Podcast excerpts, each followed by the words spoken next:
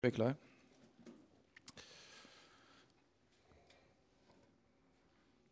Det er høst, det er oktober, og en årlig foreteelse her i, eller på Nordmøre da, og er jo at Sparebank1 Nordmøre presenterer konjunkturbarometeret som gjelder for 2023. Og så i år har Sparebank1 Nordmøre da, i sammen med Sparebank1 Midt-Norge gjennomført en SMN, ikke SMN. Sparebank1 SMN. Sparebank1 SMN. Mm. Men uh, Sparebanken Midt-Norge er noe annet? Det var het dem før, i gammel, for noen år tilbake. SMN? Det går an å si at det heter Sparebanken Midt-Norge? ja, du kan jo si det. Ja, men det er. SMN, Sparebank, ja, det, det er jo det. De som er på Sunndal, SMN, det er jo dem i Trondheim, sant? Ja? Det er Sparebanken Midt-Norge. Nei, SMN. Det heter SMN. Det heter SMN. Sparebanken SMN. Sparebanken Nordmøre samarbeider med da Sparebank1 SMN, i, eh, som har hovedkontoret i Trondheim, og som dekker Midt-Norge. Og um, Også i år så er det gjennomført undersøkelse både blant bedrifter og private på hvordan det ligger an. Og Allan Troelsen, administrerende direktør i Sparebank1 Nordmøre, kan du gi oss en uh, oppsummering av uh, hvordan det er ståa egentlig her i, på Nordmøre og kanskje også Midt-Norge? Mm, det kan gjøre. Vi er jo veldig glad for å kunne presentere konjunkturbarometeret, som er en sånn omfattende undersøkelse, egentlig. Den går på, både på næringslivet, den går på privatmarkedet og den går på eiendom. Eh, så kan jeg for øvrig si at det, hele rapporten er lagt ut på nettsidene våre da, på www.bank.no. Men eh, hovedtrekkene er jo at for næringslivet så er det, det er usikre tider. Eh, der spør vi litt om eh, Vi har gått ut til 600 bedriftsledere i Midt-Norge og spurt på hva de tenker og tror om fremtida. Og, og det har De er prega av, av situasjonen. Og resultatene av den undersøkelsen viser at man er mindre optimist enn man har vært på mange, mange år. Hvis en ser bort ifra øh, øh, pandemien, akkurat under pandemien, og, og, og da finanskrisa. Så, så, så det er en viss uh, uh, urolighet for hvordan det blir fremover. Når vi ser på hvordan resultatene ble i fjor, i 2022, det har gått gjennom årsregnskapene til alle bedriftene i Midt-Norge med omsetning over en million, så har det vært en, et positivt år i 2022 i forhold til tidligere år. Eh, og, og spesielt på Nordmøre. Eh, det viser at om det har vært en bra omsetningsvekst, det har vært en bra resultatvekst.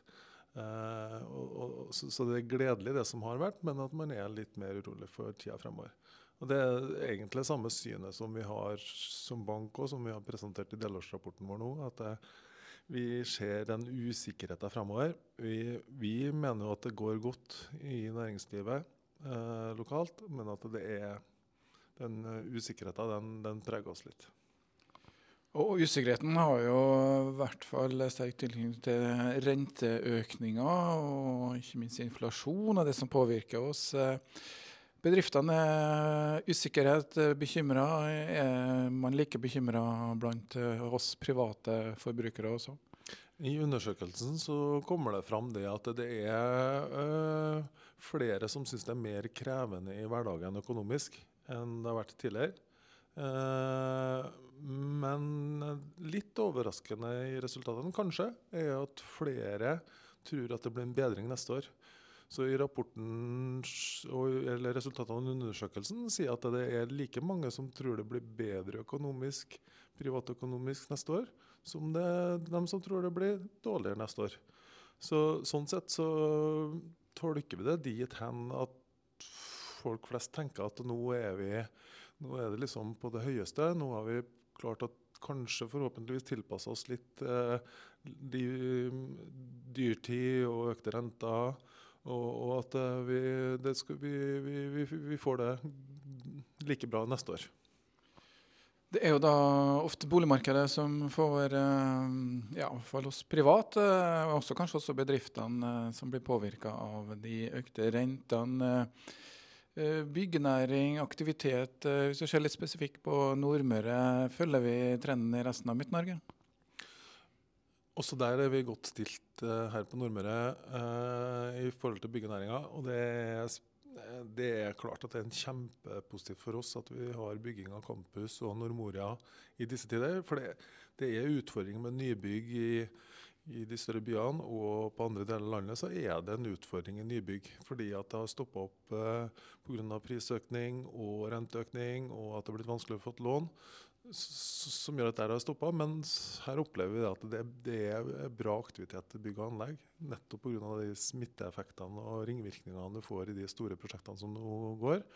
Og så vet vi at det kommer noe, det er jo beslutta at det skal komme noen nye prosjekter. Så, sånn sett så, så, opplever vi at det går relativt godt.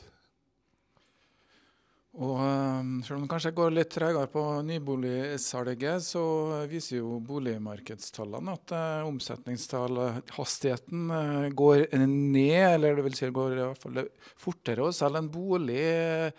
Det er relativt sett litt vekst i priser, spesielt leiligheter.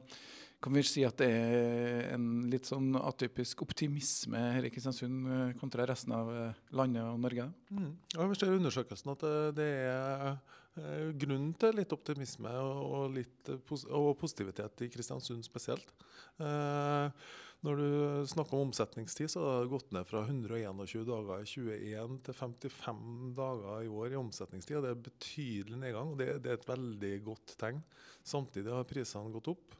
Eh, vi har hatt en lavere kvadratpris i Kristiansund f.eks. med Ålesund og Molde. Så kvadratmeterprisen har vært lavere, men er på tur litt opp. Og, og mens det er litt mer pressa i andre eh, byer. Og det, det, er, det er, positivt eh, for, for, for i, et positivt signal i Kristiansund.